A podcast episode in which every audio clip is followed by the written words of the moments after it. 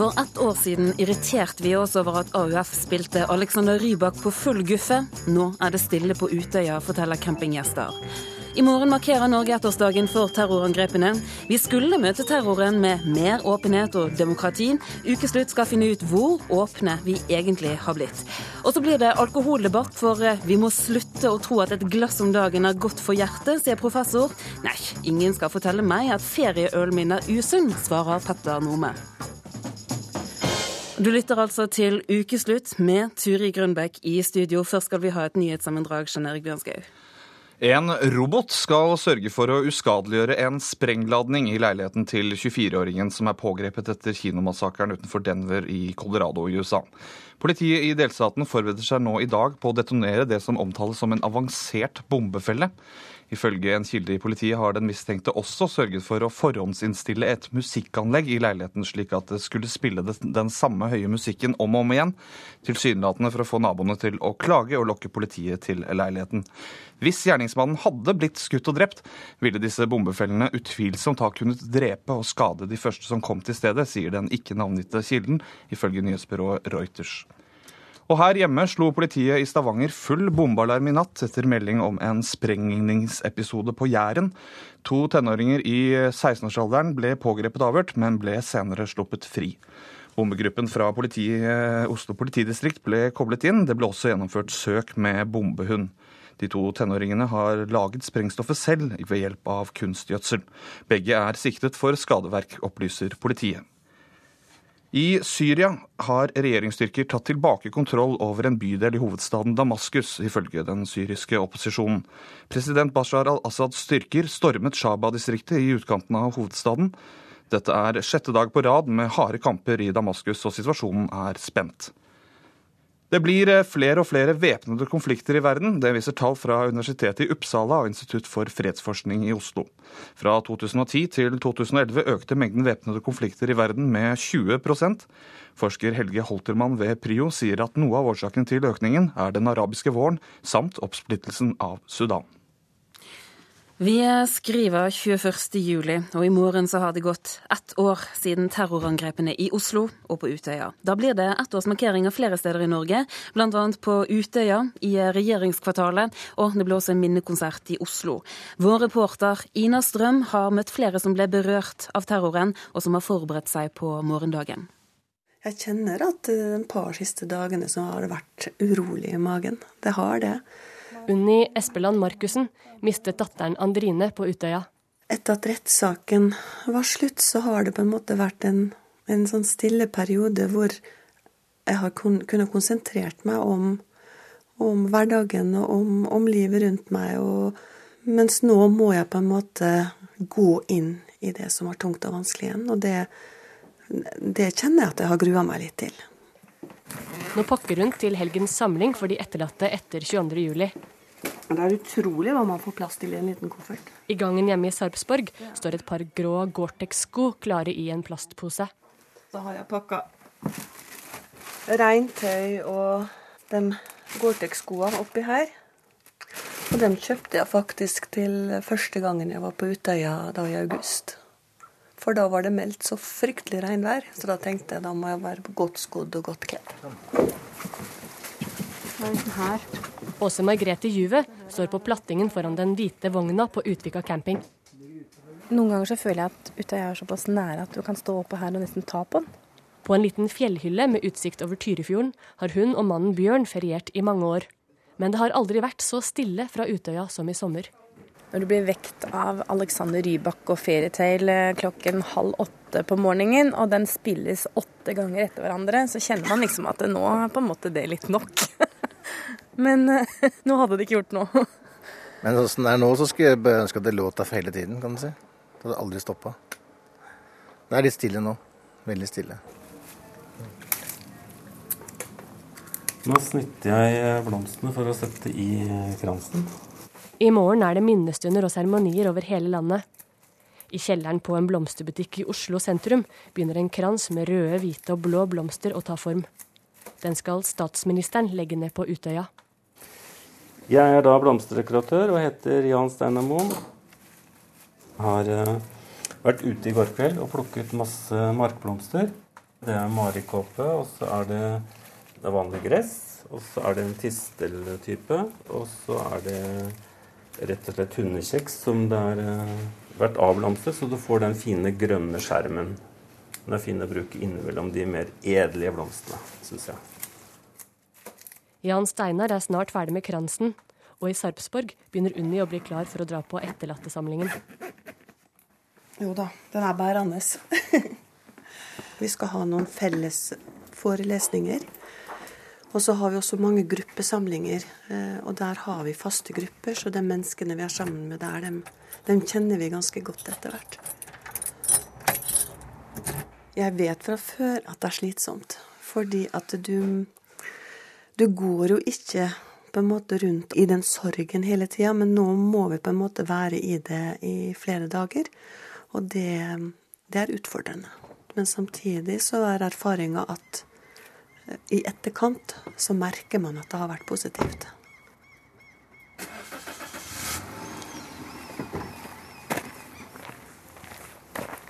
På Utvika camping tar Åse Merete og Bjørn meg med ned til brygga. For ett år siden snublet Bjørn i plastsandalene på full fart ned bakken her.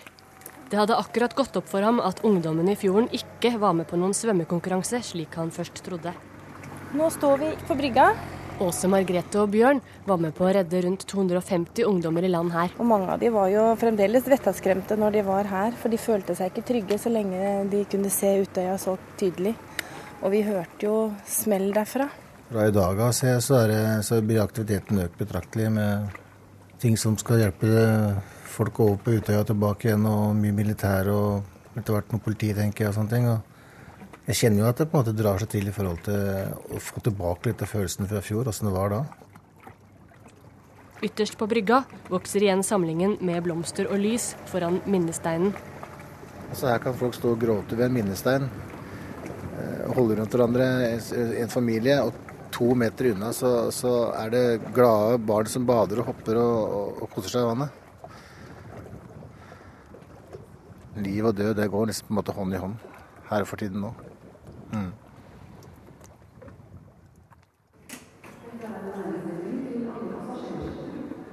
Jeg heter Lars Odne Bevanger, og nå har jeg nettopp landa her på Oslo Gardermoen og kommet fra Manchester i dag. Eh, blitt sendt av BBC News for å dekke ettårsmarkeringa.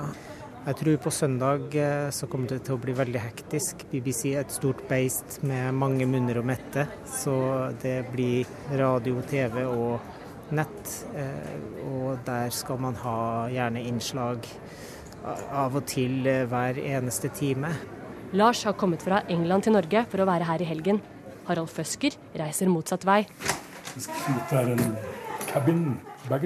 Han var på jobb i Justisdepartementet i regjeringskvartalet da det smalt, og ble hardt skadd. Jeg lovte meg selv da jeg hang inne på kontoret mitt eh, at jeg skulle ta grepet om mitt eget liv. At ikke dette skulle ødelegge noe som helst. At jeg ville tilbake. Jeg ble friskmeldt 1.7, som var en kjempeseier som, og et veldig viktig mål. I helgen reiser han til England. Og Det er en avtale fra mer enn to år tilbake. En av mine tidligere ansatte som jeg oppmuntra sterkt og støttet aktivt for å ta en mastergrad på universitetet i Cambridge. Og Jeg lovte han den gangen å komme, og det løftet holder jeg. Jeg har reist til etterlattesamlingen for å høre hvordan det går med Unni. Nå har hun vært der ett døgn, og 22. juli nærmer seg. Jeg kjente jo at jeg grudde meg litt på forhånd, for på en måte å dukke ned i det som er tungt og vanskelig igjen. Men det er jo også utrolig befriende å kunne gjøre det i et så trygt rom. Hva blir viktigst for deg på søndag? Eh, for meg på søndag så tror jeg at det blir viktigst å være på Utøya. Det å få lov å komme spesielt til sydspissen igjen, og få lov til å legge noen blomster, tenne lys på det stedet som Andrine døde, det, det er veldig, veldig spesielt. Altså, hun er, hun er jo ikke fysisk der lenger, men det er noe som binder meg til den plassen. I studio nå, ordfører i Oslo, Fabian Stang. Hva blir viktigst for deg i morgen? Det blir jo en dag med utrolig mange følelser. Eh, det blir eh, tøft for mange. Det blir eh, en dag hvor vi riper opp i sår som er på vei til å gro. Men det er samtidig sår som eh, gror best hvis de blir ripet litt opp i. Eh, men da må det være sammen med andre gode mennesker. Eh, så jeg tror morgendagens viktigste innhold er at vi er, er, sammen, og at de som trenger oss særlig, ikke er alene i morgen. For det, blir, det blir tøft. Fabian Stange, du skal bli med oss videre i ukeslutt, men akkurat nå så skal vi til vår reporter Maria Lavik. For Maria, du står og ser over på Utøya, der forberedelsene er i full gang til, til minnemarkeringen i morgen. Hva skjer der du er nå? Ja, Her på landsida er det ganske rolig. Jeg ser en liten båt som putrer forbi. MS Torbjørn ligger til havn, og det er litt utenlandsk presse på plass. Utover det så er det veldig lite folk her. De frivillige er nå ferdige med å losse varer over til Utøya. De har fått med seg stoler, bord, telt og teknisk utstyr som er blitt frakta med hjelp av MS Torbjørn til Utøya. Vi er også med Stine Renate Håheim, stortingsrepresentant og frivillig AUF-er. Hva skjer på med Utøya i morgen? I morgen så blir det først på dagen et opplegg for pårørende og etterlatte. Og så skal ca. 1000 AUF-ere over for å ha et program i bakken. Det er altså tid for hver enkelt å markere dagen som man måtte ønske så åpnes øya igjen for eh, pårørende og etterlatte eh, i eh, femtida, tror jeg det er. Er det noe mer som gjenstår i dag, før det er klart? Ja, det jobbes, jobbes, ute på øya. Både med å rigge stoler og bord og telt og den type ting. Og også gjøre ting klart. Sånn at det blir en mest mulig verdig og fin ramme rundt arrangementet i morgen. Hvordan tenker dere rundt sikkerhet? Eh, det er lagt opp til et godt sikkerhetsopplegg. Det kommer til å være både politi og sivilforsvar eh, ute på øya og rundt eh, øya. Direktoratet for samfunnssikkerhet og beredskap står for logistikken og transporten. Og det er også helsepersonell og Norsk Folkehjelp som står for sanitet. Så det skal være et godt og trygt arrangement i morgen. Stine Renate HM, takk for at du var med her i Ukeslutt. Lykke til. Og vi ønsker deg også en, en fin markering i, i, morgen. Og akkurat nå så skal vi fortsette å holde oss på Utøya litt, men, men, vi skal nøyaktig ett år tilbake i tid. For, for nøyaktig et år siden så var et sommerslapt Norge i feriemodus. Nyhetsbildet det var preget av flom på Østlandet. Det var generelt fortsatt høy EU-motstand i Norge. Og på Utøya så var det som vanlig sommerleir. 21.07.2011 så sendte Ukeslutt eh, vår reporter til solfylte Utøya, der ungdommene var mest opptatt av volleyball, konsert og flørting. Jeg elsker denne plassen, bare. Jeg elsker å møte nye folk og jeg elsker å være sosial og sånn her. Og denne flørtestemningen på topp? Jeg er enig, tror jeg. Altså, Utøya er jo Norges største sjekkeplass, sier de. Ja, så det er sikkert mange som har fått seg um, AUF-kjærester her, og AUF-flørter på Utøya. Så har de jo speed-dating og sånn. Ja. Blind dating og kjærlighetsstien, så de har, de har planlagt godt. Frida Nilsen og Julie Bremnes, vi hørte dere beskrive Utøya for nøyaktig ett år siden. Hvordan er det å høre dette igjen? Det var veldig komisk, men også veldig, veldig rart og ja. surrealistisk. Det var bare én dag før, og vi hadde det så bra. Hvordan var den dagen? Den var en varm. Av de, varm, og en av de fineste dagene der. Jeg tror det var den beste. Det var den beste dagen. Hva var det som gjorde at eh, akkurat den dagen ble den beste? Det var bare alltid Det var sol, og så fikk vi bade, og så konserten. Så var det fotballturnering og Politikk. Ja. Og fint vær. så det ble plass til politikk eh, i Ja, det var dette er altså da nøyaktig ett år siden. På kvelden så gikk Datarock på, på scenen. Hvordan var stemningen? Det var utrolig god. Det var ja, det var rå stemning. Det var, vi dansa og vi hoppa, vi ropte og vi sang, og vi fikk komme opp på scenen, og det var, ja, det var utrolig bra stemning. Mm. Hva kan det ha vært ved Utøya for et år siden som gjorde at det ble så bra? Det var artig med nye folk, og så var det, var det jo varmt som vær. Ja. Stemningen litt bedre også. Så vi fikk skikkelig sommerfølelse. Og så er det vel det at det er masse, mange ungdommer på samme plass samla. Med samme interesser. Med samme interesser og innstilt på å ha det gøy, og, og, da blir det vel gøy. Uansett vær også. Uansett vær. For det, det, var, det var ikke bare solskinn. Nei, det, var, det regna masse, og det var blitt masse gjørme på fotballbanen, og vi tryna og vi ble skitne, og Men ja, det var en del av det, det også. Det gjorde det litt gøy. Sånn skal det være. Ja. Og vi hørte jo at dere snakker om flørting og kjærlighet og kjærlighetssti. Ja. Kan det bli slik igjen? Eh, jeg tror ikke denne generasjonen. Jeg tror vi må ta en god stund for at det kan bli eh, samme greia som det var før. Jeg tror det er litt for mange andre minner også knytta opp mot Utøya nå enn bare de gode. Så det blir nok ikke så lett å gjøre det sånn igjen med det første. For Dere beskrev jo tidligere for meg et, eh, rett og slett et paradis. Men dette, Ja. dette ble jo det rene helvete. Hvordan har året vært? Mye opp og ned, som mange Ja. sier. Veldig mange oppturer, og så har det også vært en del nedturer. Så det har vært, det har vært mye å for at for oss begynte ny skole, begynte på videregående, så mye å sette seg inn i. Mm. Og det var ikke liksom det samme gamle. Nei. Så det blir mye nytt og Og ja, som sagt, mye mange, altså, Det er veldig rart å tenke tilbake på uh, hvordan perioden rett etter har vært. da. For vi levde vel i en boble sikkert i mange måneder før vi klarte å venne oss til en normal hverdag. Noenlunde, i hvert fall. Så det har jo vært litt rart. Men dere har hatt hverandre. Hvordan har det vært? Det har vært veldig fint. Ja, veldig godt. Å ha en du kan i hvert fall snakke med, som du vet forstår også. Så du vet at du har sånn, den har samme tanker og Ja. Vi, forstår, vi har jo en viss forståelse som det er vanskelig for andre å sette seg inn i. Vi har i hvert fall, i hvert fall holdt sammen i eh, de tunge stundene. Så jeg tror jeg også bygger på vennskapet veldig mye. Mm. Dere skal eh, ut til Utøya i morgen. Hvordan Mm. blir det? Jeg tror det blir litt godt, for eh, alle blir samla da. Og det er veldig godt å møte de som har vært i samme situasjon.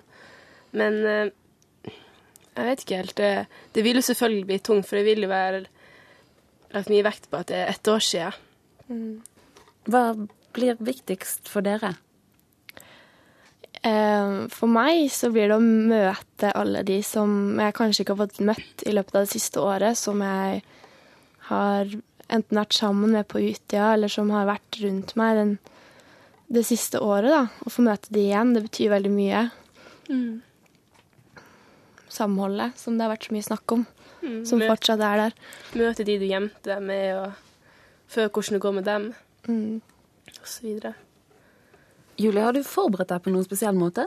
Ikke egentlig. Jeg, jo, jeg vet jo at jeg skal ut dit, så det er vel på en måte en forberedelse i seg sjøl å være klar på at det kommer til å bli tungt for, eh, for mange. Og det kommer til å være mange minner som blir vekket til live igjen, kanskje. Men forhåpentligvis ikke bare de dårlige, da. Og at vi klarer å ha det fint på søndagen også, og være samla og kose oss. Og det kan være en del av å ta Utøya tilbake, som det har vært så mye snakk om. Julie Bremnes og Frida Nilsen, takk skal dere ha. Vi skal tilbake til fredag ettermiddag 22. juli for ett år siden. Da var fotograf Andreas Helgesen i regjeringskvartalet like etter at bomben eksploderte. Hallo? Hallo? Noen som trenger hjelp?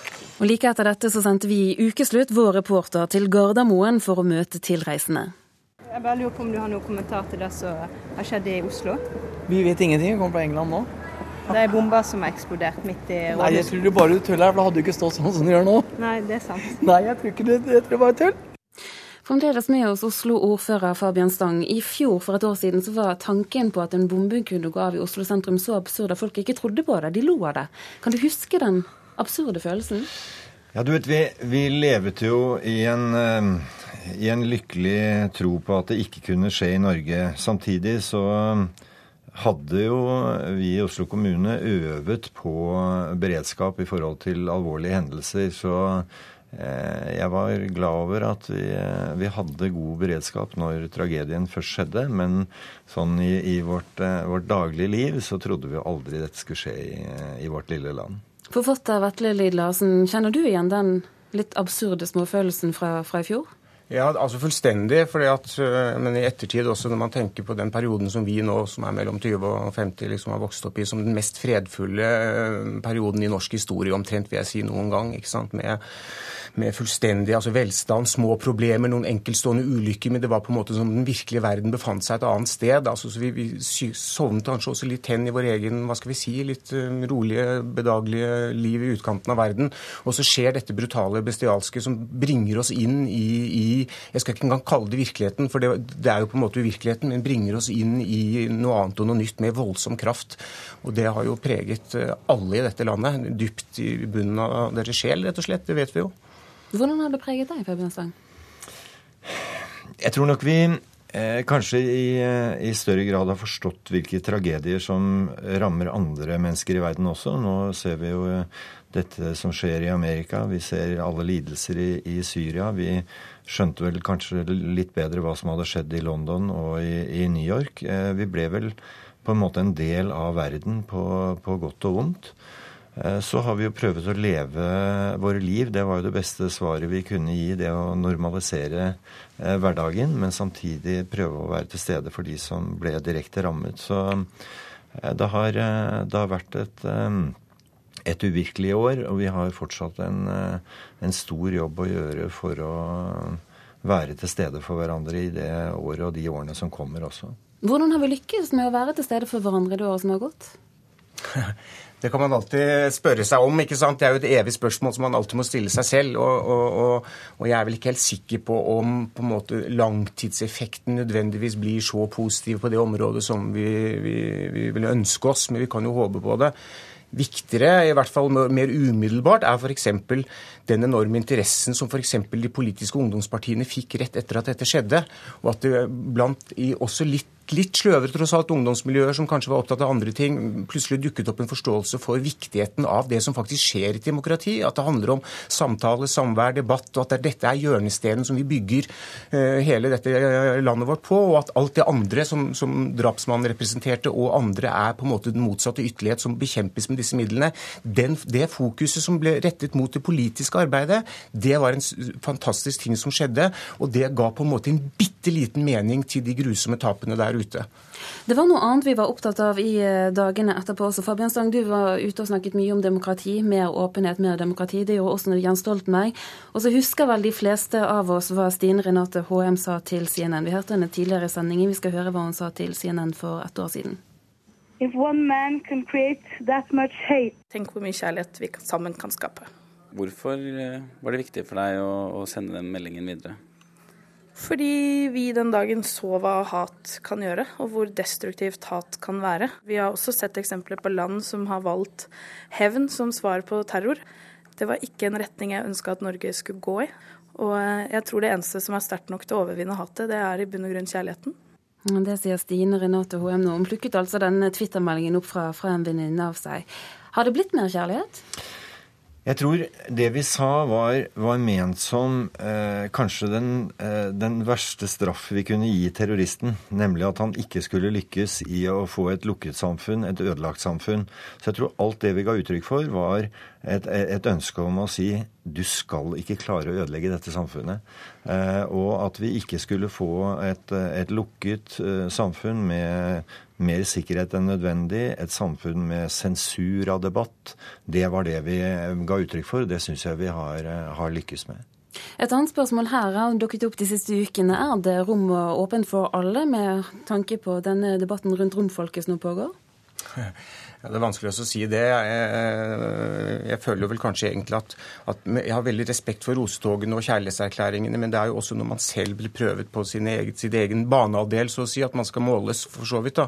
Og det er klart at Én ting er romfolk, en annen ting er, for å gi et lite spark til Stang her, som har gjort en fantastisk jobb, altså det er sagt, men til f.eks. For forbudet mot tiggere. ikke sant? At, at, at, denne menneskerettigheten til å tigge til de menneskene som kommer hit, øh, skal, at man skal ha et forbud som Høyre har besluttet, liksom, det er vel ikke akkurat en inkluderende inkluderende holdning. Sånn at det er klart at På sånne områder så vet jeg ikke om det er blitt, blitt bedre, men på mange andre områder så er det klart at, at Stang har rett.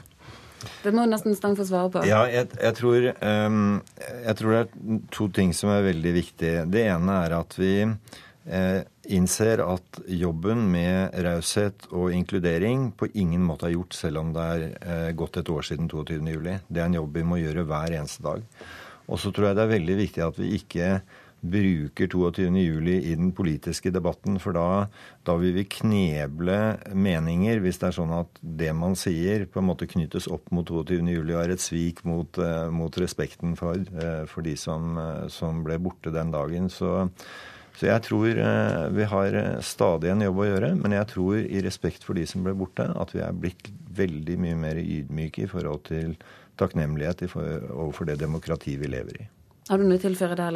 Vetle? Nei, nei, jeg er enig i det. Jeg bare sier at Den kampen føres på mange områder hele tiden. og Vi knytter ikke nødvendigvis den opp mot det grusomme som skjedde, men bare som en, den daglige debatten om vi, hvordan vi tar imot folk her i dette landet også. Og jeg tror stort sett i Norge så har vi tatt imot asylsøkere og innvandrere ganske bra. Jeg, jeg tror ikke på den svartmalingen som vi hører i enkelte kretser.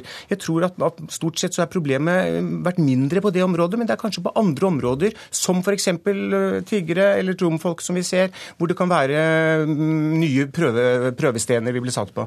Ja, og, og, I forhold til de hatske utsagn som er kommet eh, i romdebatten, så må jeg jo si at det er altså aldeles uakseptabelt. Og det å snakke om deportasjon er helt uakseptabelt. Og jeg tenker at noen av de som skriver på nett eh, om eh, romfolket, som, som, det er all grunn til å, å, skulle støtte, så tenker jeg at de som skriver disse hatske meldingene, det er også mennesker det er synd på.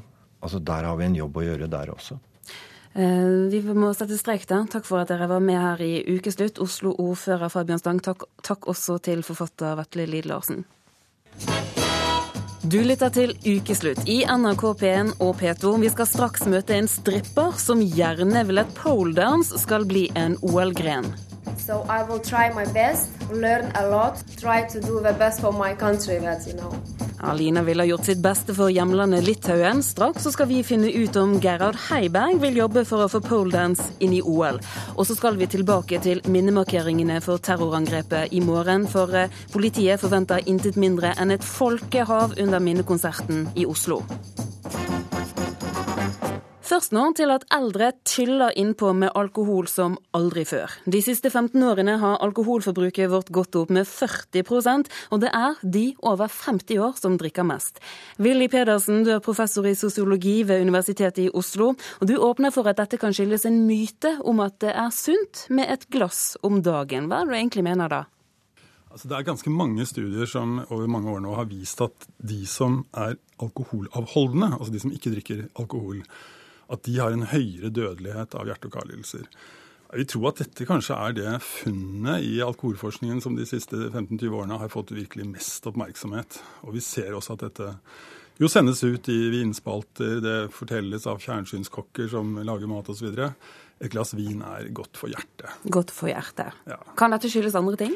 Ja, det er det som nå stadig flere forskere begynner å stille spørsmålstegn med. fordi det er helt opplagt riktig at det er en forhøyet dødelighet hos de som ikke drikker, i forhold til de som drikker lite, altså moderate konsumenter.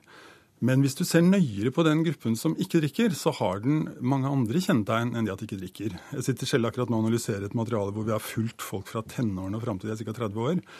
Og Hvis vi ser på den gruppa som er avholdende, så ser vi at den f.eks. har mye svakere vennenettverk. Den har mye høyere rater av angst, depresjon. Den har eh, svakere selvfølelse. Den har f.eks. en veldig stor andel av den gruppen har ennå ikke hatt sex når de nærmer seg det 30 år, og Det er klart det er ganske uvanlig. Så mye tyder på at det er vanskelig å vite sikkert om det er fravær av alkohol eller mangel på venner, mangel på sex og andre gleder som gjør at folk dør tidlig, selv om de da Eh, viser seg at alkoholavholdene dør tidlig. Vi skal høre med leder i Bryggeriforeningen, Petter Nome, med fra solfylte Hellas på telefon. Hva synes du, er det, er det bra med et glass om dagen? Ja, det tror jeg helt sikkert. Altså, vi irriterer oss over at det bare er snakk om vin. vet du, For alt det positive som kan sies om vin, det kan jo enda større grad sies om øl. Men det som er viktig, er at det dreier seg om alkohol i veldig beskjedne mengder. Altså, Det Willy Pedersen og kanskje en del andre sånne antialkoholmennesker er er opptatt av at folk liksom skal tro at jo mer du drikker, jo sunnere er det. Og det er klart at sånn er ikke. Alkohol er ikke helsekost. Men uh, det er ikke noe tvil om at alkohol kan inngå i et sunt kosthold. og det er verken Willy Pedersen og jeg er medisinere, men det er gjort veldig veldig mange undersøkelser direkte på de medisinske virkningene av alkohol, som tyder på at både i forhold til eh, hjerte- og karsykdommer og en god del andre lidelser, så er et moderat, og jeg må bare understreke igjen, moderat alkoholforbruk en positiv ting. I tillegg så kommer dette med, med mm, livskvalitet og glede, som jeg tror er kanskje den viktigste elementet i forhold til det at eldre drikker mer. De har god råd, de har tid til å kose seg. og og det, det gjelder nok til langt de fleste av dem. Selv om man selvfølgelig ikke skal underslå at noen også har hatt trøbbel med det. Willy Pedersen, er det noe så farlig da for de eldre med nyte alkohol på sine siste dager? Altså det vi ser Nå altså nå må jeg bare si at jeg er helt enig med Petter om at det er masse glede forbundet med alkohol. og det er Folk må få drikke sin eh, både fruktige vin og kalde pils i sommer, sommervarmen. er det ikke så kaldt, Nå er det litt kaldt her kanskje, men, men uansett, det er masse glede ved alkohol. Ikke her hvor jeg er, eh, Willy Pedersen. Nei, okay. Her er det 35 grader, så det ok, Men, eh, men eh, problemet er at når vi nå ser en fordobling av konsumet hos de over 60 år, det viser den siste studien, så skulle vi gjerne ønsket at det var da sånn at eh, den dama som drakk ett glass vin på fredagene, også tar et på lørdagene i tillegg. Men det vi ser er at når for, for, forbruket fordobles, så fordobles det i alle konsumentgruppene. Og sannsynligvis så blir det mer enn en fordobling av alkoholikere. Kanskje en tre-fire ganger så mange alkoholikere i den aldersklassen som vi har eh, hatt tidligere. Så det, det er sånn at dette øker også andelen med problemer. Og det er det som på en måte er grunnpensum i alkoholforskningen de siste 15-20 årene. Og det er det som gjør dette på mange måter ganske bekymringsfullt. Petter Nome? Så Det er veldig mange sannheter om alkohol. Det er at det er en sammenheng mellom alkohol, eh, altså alkoholkonsum og misbruk og, og problemer, det er helt riktig. Eh, Det at de aller fleste, over 90% av de som nyter alkohol, har glede av det, at det gir dem et bedre liv, kanskje til og med et lengre liv fordi de koser seg, det er en annen sannhet. Det som plager meg en del med norsk alkoholdebatt, er at det er, liksom, det er veldig sånn ideologisert. altså Anti-alkohollobbyen de ser ingen positive alkohol, ting ved alkohol og roper bare på restriksjoner. Mens kan si, den andre ytterligheten er å rope på fri flyt. Jeg tror det er Altså, jeg, bare si, altså jeg, jeg er grunnen enig i noe av det Petter Nome sier, men jeg mener at når det gjelder alkohol, så er det veldig mye positive fortellinger. På narkotikafeltet så mener jeg at det er en enorm eh, bruk av repressive virkemidler. På tobakksfeltet så ser vi en økende skremsel og en stadig tøffere politikk. Men jeg syns de dominerende fortellingene om alkohol er tvert imot, og i økende grad, fortellinger om det gode liv, om reiser til Toskana, om kos og hygge. Og, og, og, det, det tror jeg på en måte er hovedproblemet i vår politikk. at vi, altså, vi må på en måte være mer forsiktige med de altfor repressive virkemidlene på de andre feltene, men på alkoholfeltet så må vi kunne løfte fram at det er er da skal vi slippe til Petter Nome. Nei, altså Du har jo litt rett i det. Altså Jeg registrerer jo veldig mye av det som kommer fra helsemyndighetene, og sånt, som jeg syns er helt sånn entydig negativt. At liksom alkohol er noe man skal bekjempe, og at samfunnet hele tiden skal drive og passe på. Så det irriterer meg noe fryktelig. Men det er klart at for tabloider og aviser og sånn, så de, de, det er klart de kliner jo til med alle historier som forteller om det gode liv og hvor bra vin er. og det er klart at... uh, 500% økning av den type stoff i Aftenposten de siste ti årene, Ja, ja, ja. så vi en rapport om nå. Ja, det har jo ikke Aftenposten her, men greit. Det som jeg syns er leit, vet du, vi som driver med øl og sånn, vi, vi er jo veldig opptatt av å fortelle om øl som matdrikk, som alternativ til vin, og fortelle om, om kva- kvalitet framfor kvantitet og sånn. Vi får jo søren ikke lov å fortelle det pga. dette reklameforbudet. Jeg skulle ønske vi kunne sluppet inn med mye mer eh, informasjon om viktigheten av å drikke ansvarlig og, og, og nyte og smake og oppleve framfor å bøtte innpå. For det er slik du selv holder på, Petter Nome? Ja, ja, ja, ja, ja. Nå sitter jeg med dagens første mytos, og klokka er over tre her, ikke sant? Og, og Wineleaves og Tatsiki, sånn. det er bare helt fantastisk. Så jeg visste ikke at noen skal komme og fortelle meg at dette er usunt. Leder i Bryggeriforeningen, Petter Nome, og Willy Pedersen, professor i sosiologi ved Universitetet i Oslo. Takk for at dere var med i Ukeslutt. Før så var det stort sett strippere som drev med det. Nå mener det russiske idrettsforbundet at poledance bør bli en OL-gren. Idretten er blitt populær i Norge. En kan trene poledance omtrent over hele landet. Vår reporter Maria Lavik reiste ut for å finne røttene til det som kan bli den nye OL-grenen.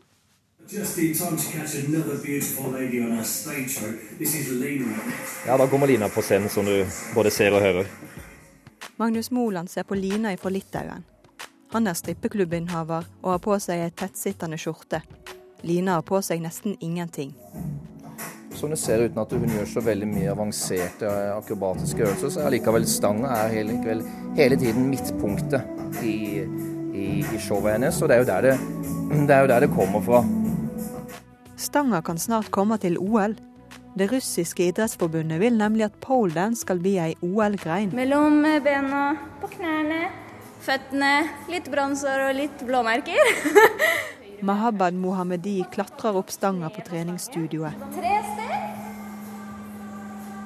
Helt opp i taket. Helt opp i taket. Hun er poledance-instruktør og lei av at idretten hennes blir forveksla med stripping. Du sklir ned på magen, gjør ikke det vondt? Nei da. Venner seg til det. Til å begynne med drar det på huden. Det gjør det òg. Hva tenker du om dette kan bli en OL-gren? Jeg syns absolutt at det skal bli en OL-gren. Eh, Det er styrke, det er fleksibilitet, det er balanse. Det er som alt annet sport. Nå søker jeg på World Pole Dancing Championships 2010. Skribent Heidi Helene Sveen sitter foran PC-en. Nei, altså Nå ser vi en kvinne ligge og vri seg på gulvet i bikini, glinsende bikini. Sprer bena. Har veldig, veldig høye hæler på skoene. Og det er klart at dette er jo erotisk. Det er jo stripping vi ser her. Sveen ble kjent da hun kritiserte Tone Damli Aaberge for å spille for mye på sex.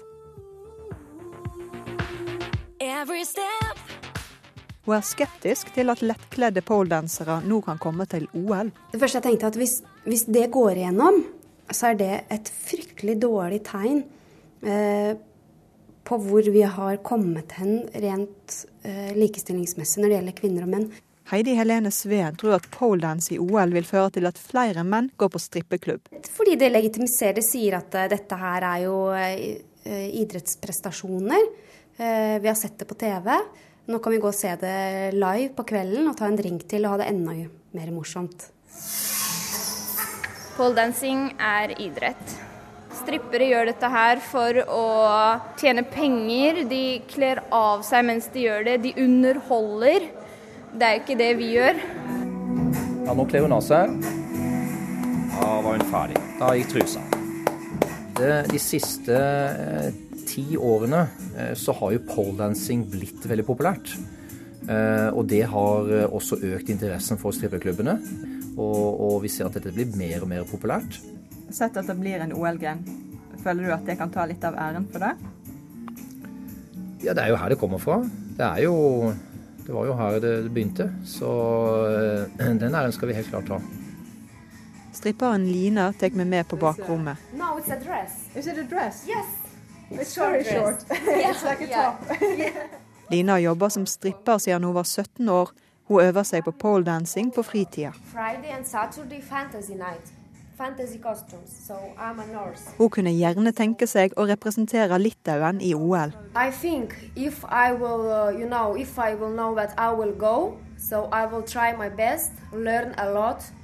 So if I will know that I will go, I will try to do the best for my country. That you know. Lina skulle gjerne gjort sitt beste for Litauen hvis hun kunne delta i OL. Styremedlem i Den internasjonale olympiske komité, Gerhard Herberg. Hva synes du om poledancing som en olympisk gren? Jeg synes det er uh, utenfor uh, alt normal allfarvei. Jeg tror det er en uh, umulighet av flere årsaker, men hvis det skulle lykkes dem å komme på programmet, så kommer jeg i hvert fall til å gå og se på for å se hvordan dette foregår i praksis som en idrett. For det har du aldri sett før? Jeg har sett poledancing ute i verden, men som idrett og idrettskonkurranse har jeg ikke sett det. For det beskrives jo som relativt avansert akrobatikk? Det forstår jeg, men det har vi jo allerede i turn og en del andre øvelser. Men poledancing forbinder folk med noe helt annet, inkludert meg selv. Tidligere så har vi hørt deg ta til orde for å fornye OL-programmet. Hva skal egentlig til for å bli en olympisk gren? Vi har i dag 28 forskjellige grener, og vi har sagt at vi ikke vil ha flere. For man klarer ikke å koordinere nok til at det skal kunne virke ordentlig under lekene de 16 dagene det varer.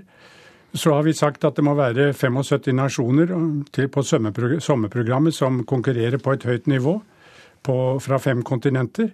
Og så håper vi at det er idrett som trekker ungdom mellom 16 og 24 år. Der er vi for svake, så vi leter etter idretter som fenger ungdommen mer enn det vi har på programmet i dag. Hvem er det det fenger, de som dere har på programmet i dag? Ja, Det er flere ting på programmet i dag vi ikke eh, kan kjøre videre med. Vi har tatt ut baseball og softball, og vi får inn golf og rugby seven. Nå diskuterer vi å ta ut andre ting, i og med at vi ikke vil gå over de 28 grenene. Og der står idretter i kø for å komme på det olympiske program. Som eksempel? Som f.eks. karate, squash, eh, skating, skateboard. Det er flere som eh, gjerne skulle på programmet. Tar du dette forslaget fra Russland seriøst? Nei, jeg gjør ikke det. Jeg måtte smile og tenke på mine opplevelser eh, da jeg så på poledancing, og føler at det ikke passer på, kall det et seriøst OL-program. For jeg har aldri sett det. Hvordan er det? Det er litt interessant å sitte nede og se på med et glass øl i hånden og følge med og riste litt på hodet, og så etterpå gå. Men eh, jeg hadde vel ikke noen spesielle følelser da jeg satt og så på det. Det vet jeg at OL-historien er full av sporter som har prøvd å komme med og bli olympisk gren. Hadde noen eksempler på litt merkelige idretter opp gjennom historien? Ja, så Opprinnelig så var det jo da bryting og friidrett og flere andre øvelser. og det var bare for menn, og det, alle var nakne. Det var ikke lov å ha på seg klær. Så har vi vært innom forskjellige øvelser. Jeg husker, i, selv om ikke jeg da var født, i Stockholm i 1912 hadde vi tautrekking på programmet. Så man har prøvet stille lengde, stille høyde, bare for å ta noen. Så vi har vært innom en rekke forskjellige, men etter hvert har det vel blitt litt mer orden og systematikk i, i arbeidet. Og som sagt, i dag har vi 28 forskjellige idretter. Som eh, også nærmer, skal skje nå når det nærmer seg det neste som OL. For Geir Herberg, du drar til London allerede i morgen for å følge med på lekene da. Takk for at du kom hit til ukeslutt. Mange takk selv. Vi skal tilbake til minnemarkeringene for 22. juli, for i morgen så markeres årsdagen for angrepene flere steder her i Norge.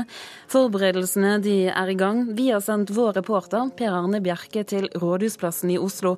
Per Arne, hva er det som skjer rundt deg? Ja, Nå står jeg rett bak denne gigantiske scenen som er eh, rigget opp her. Forberedelsene er i full gang. Scenen er pyntet med gule og hvite blomster i hjerteformede dekorasjoner. Rett ved siden av meg så driver musikere fra Kringkastingsorkesteret og varmer opp foran eh, ettermiddagens eh, lydprøver. Og så er det da klart for den store konserten i morgen kveld. Og kommunikasjonsdirektør i NRK, Tommy Hansen, hvilke artister er det vi skal få høre? Vi har eh, ti av Norges fremste artister på scenen i morgen kveld her på Rådhusplassen i Oslo. Og her kommer det et uh, veldig variert knippe artister. Alt fra Mari Boine til Carpe Diem til Kringkastingsorkesteret, som du nevnte. Hit kommer Vinni og Halvdan Sivertsen. Hit kommer Marit Larsen. Hit kommer Bjørn Eidsvåg. Uh, hit kommer Tine Ting Helseth og flere. Sånn at, og ikke minst Lillos kommer også. Sånn at vi har veldig mange store og flotte artister på scenen i morgen. Og så lurer jo alle på da, hva med Bruce Springsteen? Ja, Det lurer fortsatt vi på også, fordi vi ikke har eh, kommet i mål med noen avklaring hvorvidt han skal opptre her eller ikke. Men helt uavhengig av det svaret, så vet vi at dette blir en eh, veldig fin og vakker konsert. Både med og uten Bruce Springsteen. Og Er det bare å møte opp her for de som har lyst til å se og høre på dette showet? Absolutt. Dette skal være et arrangement for alle, og dette er virkelig dagen å vise at vi står skulder ved skulder. sånn at vi håper at Rådhusplassen blir pakkende full, og at alle gater og områder i nærheten av Rådhusplassen også blir veldig veldig stappende full. Det er lagt til rette for at det kommer mye folk hit. Det eneste folk må huske, er at de må beregne god tid på reising til Oslo sentrum i morgen. Selv om det er ekstra kapasitet, så det, blir det mye folk. Ja, Stappende fullt det blir det, for det er ventet 100 000 tilskuere. Og innsatsleder i politiet, Arve Røtterud, du har ansvaret for sikkerheten. Hvordan skal du unngå kaos med så mye folk? Nei, Vi ønsker jo da at eh, folk er tidlig ute, og at de benytter seg av ruter og buss og buss for tog for å komme seg da til eh, Oslo sentrum. Ikke bruke bilen, vil la den stå, og så da komme seg til Oslo sentrum via da det kollektive tilbudet som finnes. Det er ett år siden eh, bomben smalt og skuddene på Utøya. Hvor mye har dere skjerpet sikkerheten foran 22.07? Vi har eh, både uniformerte og eh, sivile politifolk på jobb i morgen. Og vi har mange å spille på, og satt inn da ressurser der vi syns at det er hensiktsmessig. Det er jo da tre arrangementer i Oslo i morgen, og da fra regjeringskvartalet og Domkirken. Og da ikke minst da konserten her på Rådhusplassen, hvor vi da også håper at det blir mye mennesker. Og det skal vi handle. Nå er det fri avgang, som vi hørte. Hvordan skal dere kontrollere dem som kommer hit? Nei, som sagt, Vi har eh, mange vektere her. Vi har uniformert politi og vi har sivilpoliti. Og eh, vi har eh, på en måte mange mennesker å spille på. Vi vil være på utkikk, vi vil være litt i utkant av Rådhusplassen for å da også ha kontroll med de som kommer hit. Takk skal du ha, Arve Røtterud. og Da får vi bare håpe at været holder til i morgen, for i dag så viser Oslo seg fra sin absolutt beste side med strålende sol. Og takk til deg, Per Arne Bjerke. Det er midt på sommeren. Vi skal eh, ha med oss et lite værvarsel. Meteorolog Mariam Foss, det er sol utenfor vinduene her i Oslo. Blir det godvær over hele landet? Det blir først og fremst godvær på Sør- og Østlandet i dag, i hvert fall. Vi kan jo ta at det er sendt ut obs-varsel eh, for Vest-Finnmark med lokalt mye nedbør i dag og søndag. Temperaturutsiktene Det blir små temperaturendringer i hele landet. Værvarselet som gjelder til og med søndag, fjell i Sør-Norge. Vestlig frisk bris, enkelte regnbyger. Søndag sørvestlig liten kuling utsatte steder. Regn. Østafjells vestlig bris, på kysten frisk bris, pent vær. Fra søndag ettermiddag sørvestlig bris og på kysten liten kuling. Regn fra vest. Rogaland nordvestbris, litt regn. Fra søndag ettermiddag sørlig bris, liten kuling på kysten, regn. Hordaland og Sogn og Fjordane sørvest bris, frisk bris på kysten. Fra søndag ettermiddag sørlig stiv kuling på kysten, om kvelden sterk kuling i nord. Liten storm ved Stad. Regn, lokalt mye nedbør i nord. Møre og Romsdal sørvest frisk bris på kysten, fra søndag ettermiddag sørlig bris. Liten kuling på kysten i sør, og om kvelden stiv kuling. Regn. Trøndelag sørvest bris, frisk bris på kysten, regnbyger. Søndag kveld sørøstbris, liten kuling utsatte steder, litt regn. Nordland vestlig frisk bris, søndag liten kuling i Vesterålen. Søndag kveld sørlig frisk bris på kysten, regnbyger. Troms vestlig liten kuling, regn, søndag kveld lettere vær. Kyst- og fjordstrøkene i Vest-Finnmark vestlig stiv kuling, regn, lokalt store nedbørsmengder. Finnmarksvidda vestlig periodevis frisk bris, regn. Søndag kveld lettere vær. Øst-Finnmark vestlig liten kuling, regn. Og til slutt Nordensjøland på Spitsbergen, nordøst frisk bris, oppholdsvær. Det var værvarselet her fra Meteorologisk institutt.